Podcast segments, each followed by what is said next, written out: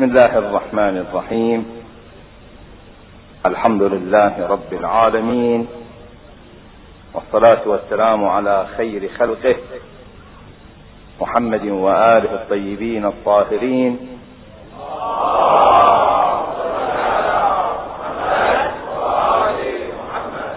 وصحبه الميامين. السلام عليكم ورحمة الله وبركاته.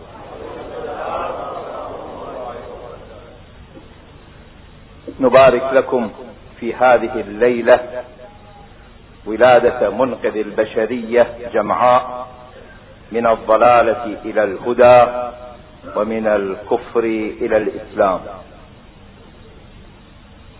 فإلى جميع أفراد العالم هذه البشرى العطرة التي ولد فيها منجي البشرية جمعاء من الضلالة إلى الهدى.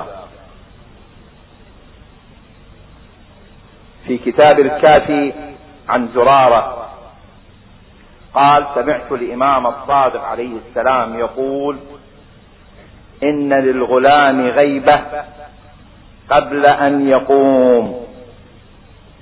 غيبة قبل أن يقوم بالأمر ويكون له الحكومة على الناس. إن للغلام غيبة قبل أن يقوم وتحصل له الولاية على الناس الفعلية. إلى أن قال يا زرارة وهو المنتظر وهو الذي يشك في ولادته منهم من يقول مات أبوه بلا خلف. ومنهم من يقول مات أبوه وهو حمل في بطن أمه. ومنهم من يقول إنه ولد قبل موت أبيه بسنتين. وهو المنتظر. غير أن الله عز وجل يحب أن يمتحن الشيعة فعند ذلك يرتاب المبطلون يا زرارة. قلت زرارة يسأل الإمام الصادق قلت جعلت, جعلت فداك إن أدركت ذلك الزمان أي شيء أعمل. قال الإمام يا زرارة إذا أدركت هذا الزمان فادع بهذا الدعاء. اللهم عرفني نفسك فإنك إن لم تعرفني نفسك لم أعرف نبيك. اللهم عرفني رسولك فإنك إن لم تعرفني رسولك لم أعرف حجتك. اللهم عرفني حجتك فإنك إن لم تعرفني حجتك ضللت عن ديني.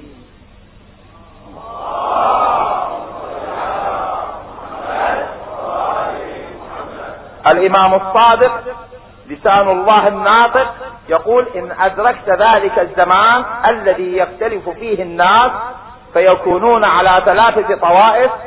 طائفة تقول مات أبوه بلا خلف وبعض يقول مات أبوه وهو حمل في بطن أمه وثالث يقول مات أبوه وولده عمره سنتين. عند ذلك يرتاب المبطلون ادعوا بهذا الدعاء. هذا الدعاء يبين لنا أن معرفة الحج على الخلق هي أهم مسائل البناء العقائدي لأنها المقدمة الموصلة إلى الله. الأئمة يقولون بنا عرف الله بنا عبد الله.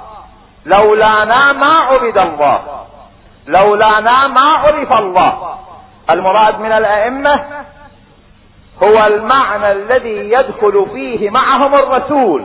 لأن النبي صلى الله عليه وآله وسلم رسول ونبي وإمام. لأنه نصب للناس خليفة وحاكما. فالرسول هو إمام.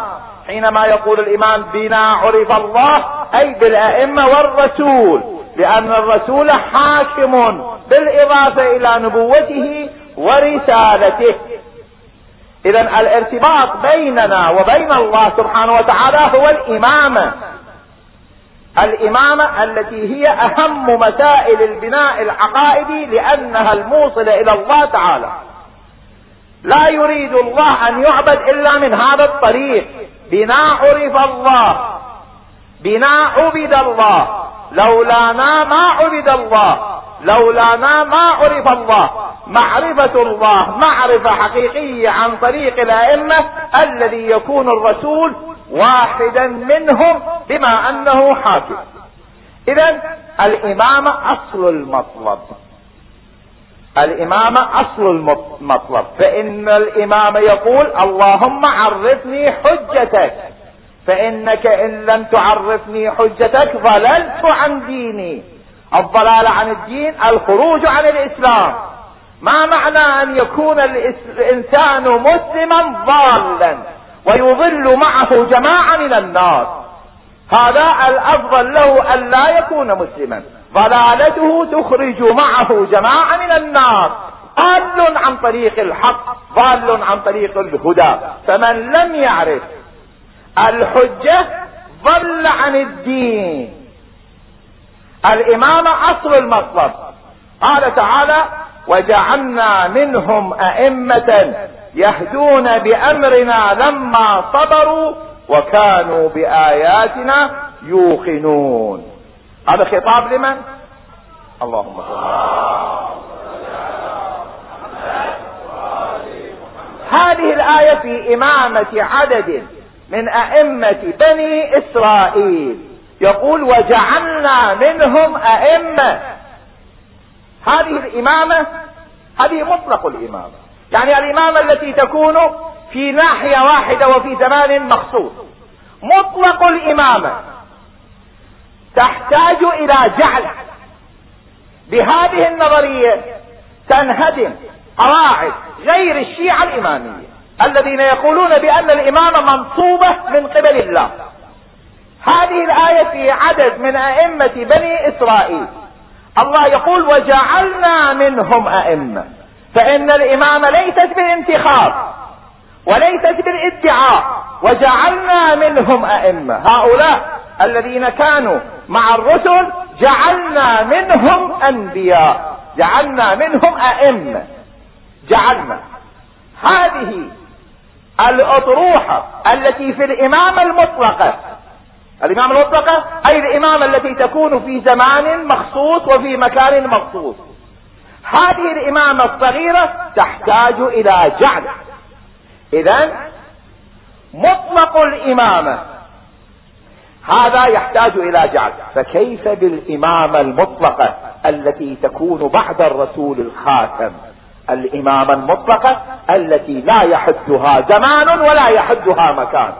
إذا كانت مطلق الإمامة التفت إلي مطلق الإمامة التي هي عبارة عن إمامة في زمن خاص لجماعة معدودين تحتاج إلى جعل وجعلنا جعلنا منهم أئمة يهدون بأمرنا.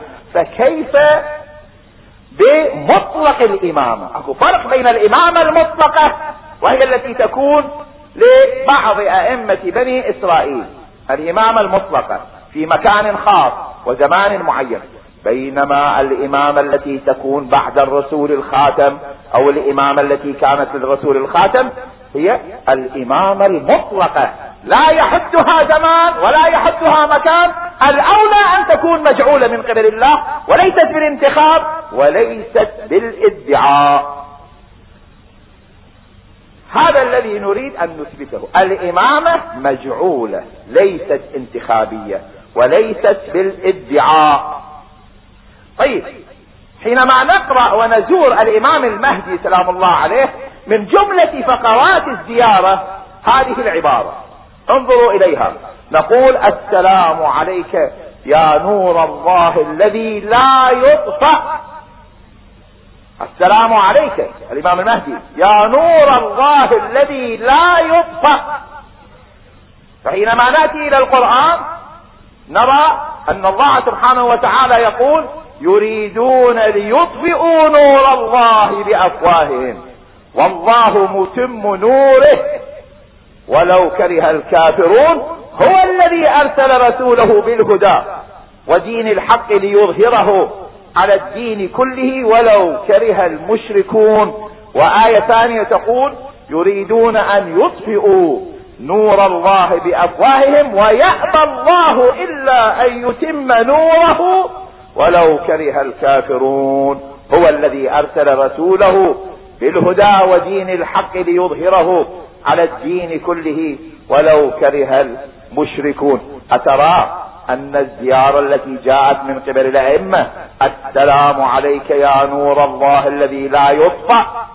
والآية القرآنية التي تقول يريدون ليطفئوا نور الله أن هذا اتفاق أو هذا إعجاز من القرآن.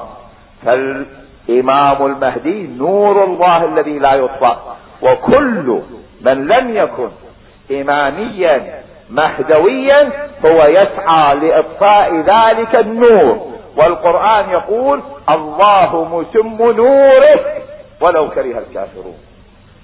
هذا ليس اتفاقا. هذا إعجاز القرآن. أنا أتكلم لك بالنصوص الدينية. لا أتكلم لك من تراث علمائنا. هذه نصوص دينية. نحن ملتزمون بالقرآن والسنة. لا أتكلم لك إلا قرآنا وسنة. الزيارة تقول من قبل الإمام السلام عليك يا نور الله الذي لا يطفأ هذا النور الذي إن مس قلوبنا ومس عقولنا لحظة واحدة لتغيرت حالنا إلى حالات الكمال وحالات الرقي. لو مس الله.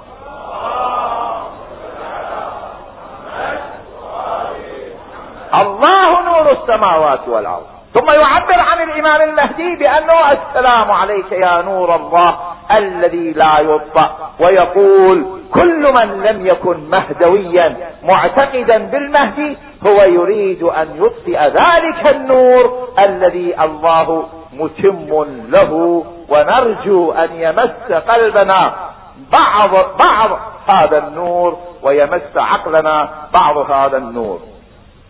على كل حال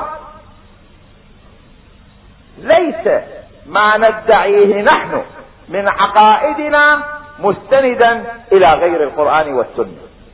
نحن نعتقد بأن الأئمة بعد رسول الله اثنا عشر كلهم من قريش. أولهم الإمام علي وآخرهم المهدي الحجة ابن الحسن سلام الله عليه.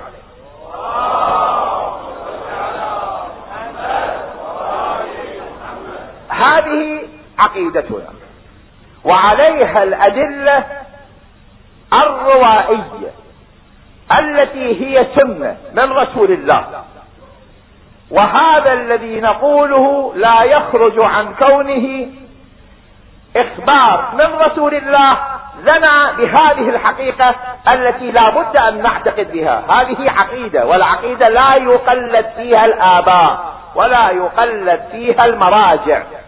إنما يجب أن يصل إليها الإنسان باطمئنان وبعلم. هذه عقيدة كلنا مسؤولون عنها. هذه هي العقيدة. أشكل علينا أن الإمام الغائب الاعتقاد به خرافة. هذا إشكال أول. اشكل إشكال ثاني أن الاعتقاد بالإمام الغائب ليس خرافة ولكن ليس عليه دليل. نحن في هذا الحفل الكريم نرد على هاتين الشبهتين ونعطي دليلا قطعيا برهانيا.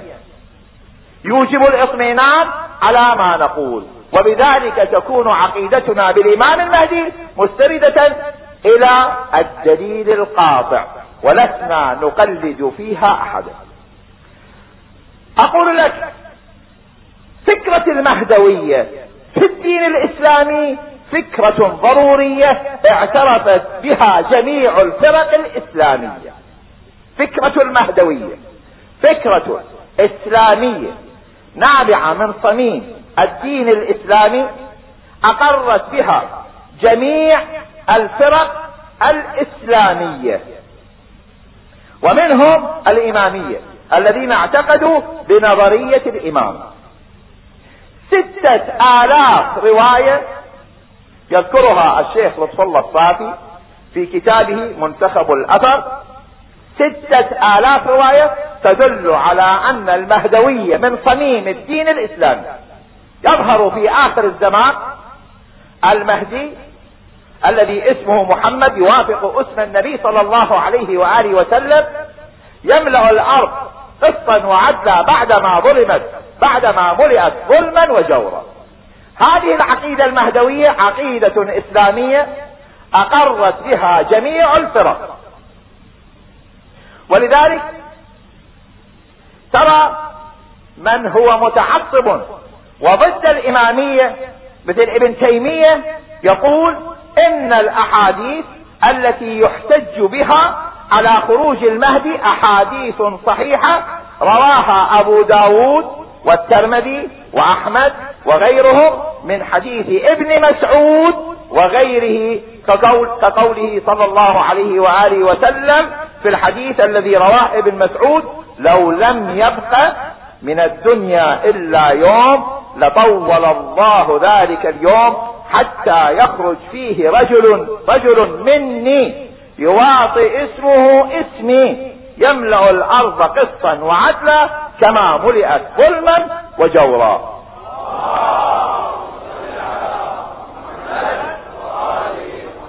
وفي رواية سلمان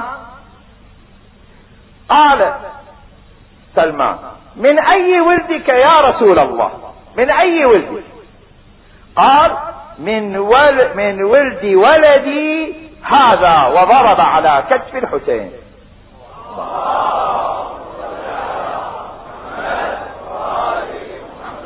وقد ورد أيضا في حديث أبي بكر الاسكافي قال من كذب بالدجال فقد كفر ومن كذب بالمهدي فقد كفر. اذا هذه العقيدة عقيدة المهدوية قلت لك فيها ستة آلاف رواية. ألا ما تجد في موضوع واحد هذا العدد الهائل من الروايات. هذا دين. لأن ديننا نستمده من القرآن ومن السنة. فكرة المهدي فيها ستة آلاف رواية. كل رواية تختلف. يعني هذه الرواية رواها أليف الثانية رواها باء الثالثة رواها جيم الرابعة رواها دال. ليس معنى ذلك أن رواية واحدة يروي أربعة نحسبها أربعة. لا. رواية واحدة إذا رواها أربعة تحسب واحدة. ستة آلاف رواية في فكرة المهدوية. منها هذه الروايات التي ذكرها ابن تيمية وقال عنها الإسكافي من كذب بالمهدي فقد كفر. إذا نحن حينما نقول بالمهدوية ونطبق هذه الفكرة على رجل قد ولد في زمان معين وبقي حيا إلى الآن هذه لا يمكن أن نرمى فيها بتلك الفرية التي يقول عنها صاحبها إنها خرافة. فكرة المهدية فكرة إسلامية. لا يجوز لأحد أن ينبذها بصفة الخرافة. طبعا هذه واضحة. النقطة الثانية التي أريد أن أصل إليها أن هناك روايات روتها الموسوعات الروائية شيعية وسنية أن عدد الأئمة بعد رسول الله اثنا عشر خليفة اثنا عشر إماما وتقوم بعدهم القيامة. تقوم بعدهم القيامة. اثنا عشر خليفة كلهم من قريش. لا زال الدين قائما حتى يقوم اثنا عشر خليفة كلهم من قريش. ثم يكون بعد ذلك الهرج والمرج. أي يوم القيامة. هذه الروايات مروية في صحاح أهل السنة. منها صحيح مسلم منها صحيح البخاري ومنها الصحاح البقية الستة ومروية أيضا في موسوعاتنا الفقهية. أن عدد الأئمة اثنى عشر حتى تقوم القيامة. فإذا مات الثاني عشر قامت القيامة وحدث الهرج والمرج. من هذه الروايات ما رواه مسلم. لا يزال الدين قائما حتى تقوم الساعة أو يكون عليكم اثنى عشر خليفة كلهم من قريش. في صحيح مسلم. وأما ما في صحيح البخاري. عن جابر بن سمرة قال سمعت النبي يقول يكون اثنا عشر أميرا. ثم ثمر يقول فقال كلمة لم أسمعها. فقال أبي أبي ثمرة. قال كلهم من قريش. طيب فكرة المهدوية فكرة إسلامية. لا يجوز لأحد أن يصفها بالخرافة. الأئمة اثنا عشر بنص الأحاديث الواردة في المجموعات الحديثية سنة وشيعة. فسر هذا. الإمامة فكرة إسلامية. والنبي قال أنهم اثنا عشر حتى تقوم الساعة. فإذا مات الثاني عشر قامت القيامة. فسر هذين الحقيقتين الإسلاميتين. فيه مئتين وسبعين رواية. أن الأئمة اثنا عشر كلهم من قريش. هل توجد في هذا العالم نظرية تقول بأن الأئمة بعد رسول الله اثنا عشر غير نظرية الإمامية؟ السنة أصبحوا في هرج ومرج في تفسير هذه الروايات التي هي موجودة في كتبهم. أصبحوا في هرج ومرج وكلما أرادوا أن يوجهوها ضحك واحد منهم على الآخر. وقالوا رحم الله السيوطي إنه حاطب الليل. ساعة يجيب الأمويين يعني ثم يجيب العباسيين يصيرون 43 يحلف العباسيين. خلي الأمويين صاروا 17 كل ما أرادوا أن يفسروا هذه الأحاديث الواردة في كتبهم لم يتمكنوا. فقط بعضهم صرح وقال بعضهم قال هذه الروايات لا يمكن أن تفسر وليس لها وجه صحيح إلا على ما تقوله النظرية الإمامية.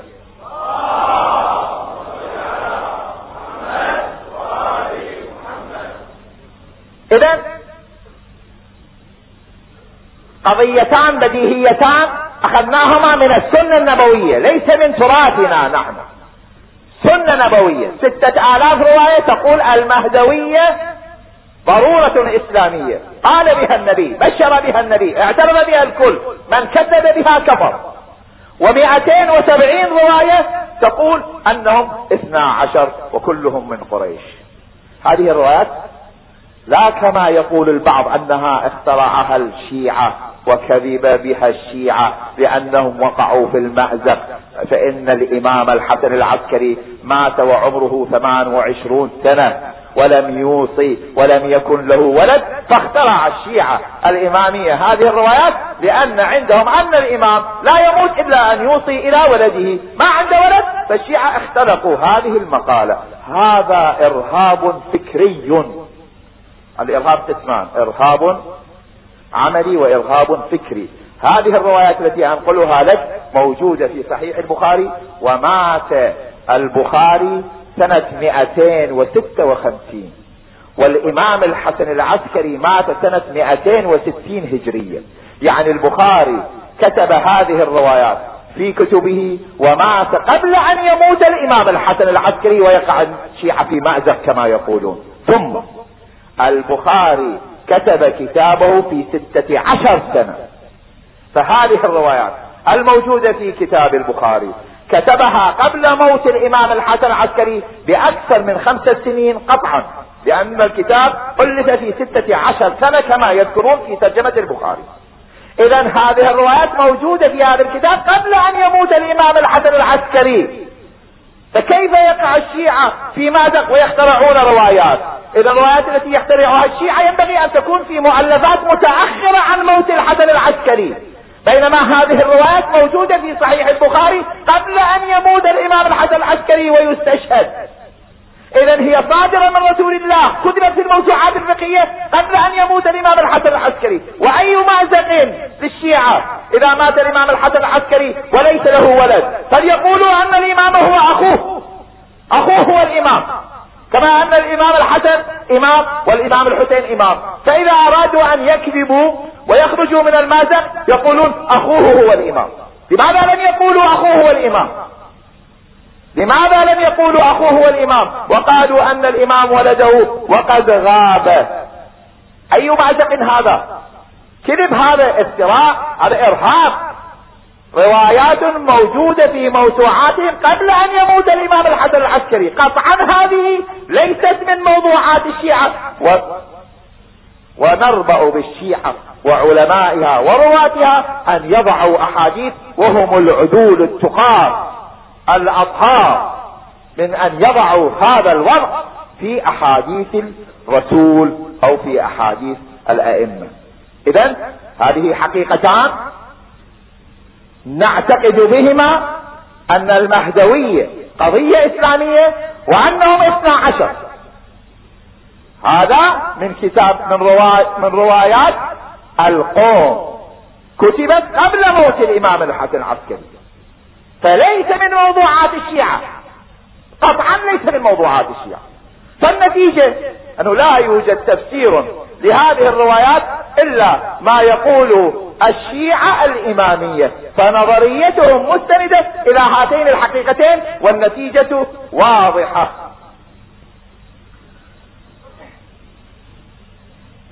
الآن جملة من أهل السنة عندهم إنصاف. ذكروا واعترفوا بأن المهدي هو الحجة ابن الحسن العسكري. أعطيك اياه هذه. اي ضعها في خزانة أفكارك. جماعة من أهل السنة وعلمائهم ورواته اعترفوا بأن المهدي الذي بشر به النبي هو الحجة ابن الحسن العسكري الغائب. منهم هؤلاء منهم أعطيك أسماء بعضهم. محي الدين العربي في الفتوحات المكية. في الطبعة الأولى ذكر أن الذي بشر به النبي هو الحجة ابن الحسن العسكري. ولكن في الطبعة الثانية في مصر حذفت هذه. ولكن نسوا أن علماء السنة نقلوا عن الفتوحات المكية. هذه المقالة في كتبهم. نقلوها في كتبهم. وموجودة في الطبعة الأولى وحذفت في الطبعة الثانية. وهذه خيانة كبرى بأن يحذف رأي عالم في طبعات متأخرة. ومنهم الشعراني في اليواقيت والجواهر. ومنهم الحمزاوي في مشارق الأنوار ومنهم الصبان في كتاب إسعاف الراغبين ثم سبط بن الجوزي في كتابه تذكرة الخواص ثم ابن الخشاب المالكي في كتابه الفصول المهمة ومحمد النجازي الحنفي في كتابه فصل الخطاب. هذا هؤلاء اعترفوا بأن الذي بشر به النبي هو الحجة ابن الحسن العسكري. بعض أهل السنة أيضا طبعا أنا قاعد أتكلم في كلام في كلام القوم وفي رواياتهم معرضا عن الروايات الموجودة في كتبنا وهي وهي أيضا من الدين. ولكن إذا أردنا أن نتيقن بعقيدة وإن كانت رواياتنا كافية لليقين بهذه العقيدة. ولكن روايات القوم التي فيها ما يحصل به اليقين منهم. إذا أضفناه إلى ما يحصل به اليقين منا فقد اطمأننا بصحة عقيدتنا هذه وهو العلم بصدورها من النبي وأنه شخص معين. أقول لك إن بعض أبناء العامة ذكروا أسماء الأئمة الاثنى عشر. مو علماءنا. بعض علماء أبناء العامة ذكروا أسماءهم عن رسول الله. في ينابيع المودة للقندوزي روايات منها ما رواه عن جابر بن يزيد الجعفي.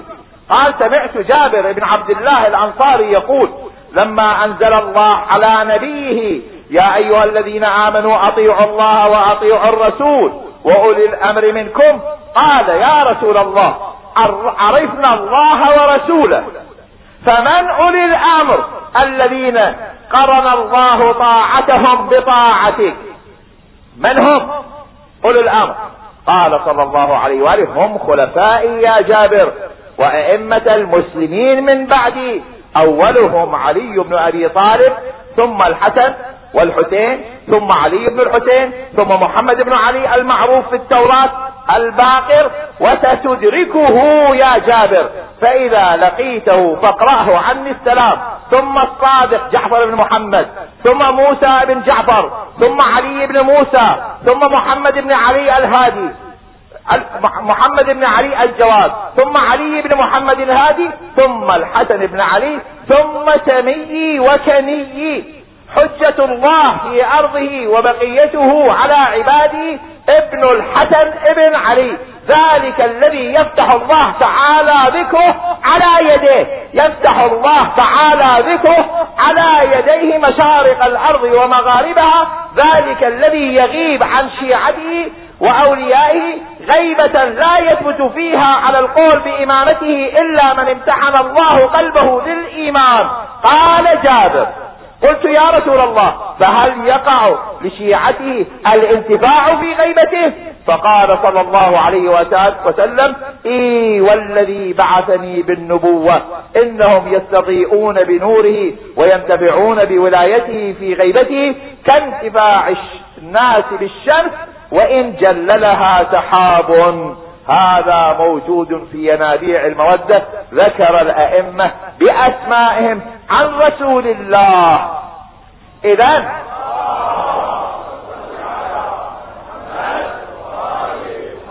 إذا هذه العقيدة التي نحن عليها حصلنا على يقين بها من الموسوعات الروائية التي هي نصف الدين فإن الدين قرآنا وسنة وهذا سنة رسول الله فقد أخبر بالمهدية وأخبر أن عدد الأئمة اثنا عشر وقد ذكر الرسول ذكرهم بأسمائهم ونقل في كتب أبناء العامة وذكروهم واعترفوا بهم. فما حجة من يقول أنها خرافة؟ ما حجة من يقول لا دليل عليها؟ هذا الدليل من السنة النبوية والدليل من السنة النبوية تنتهي به كل الإشكالات.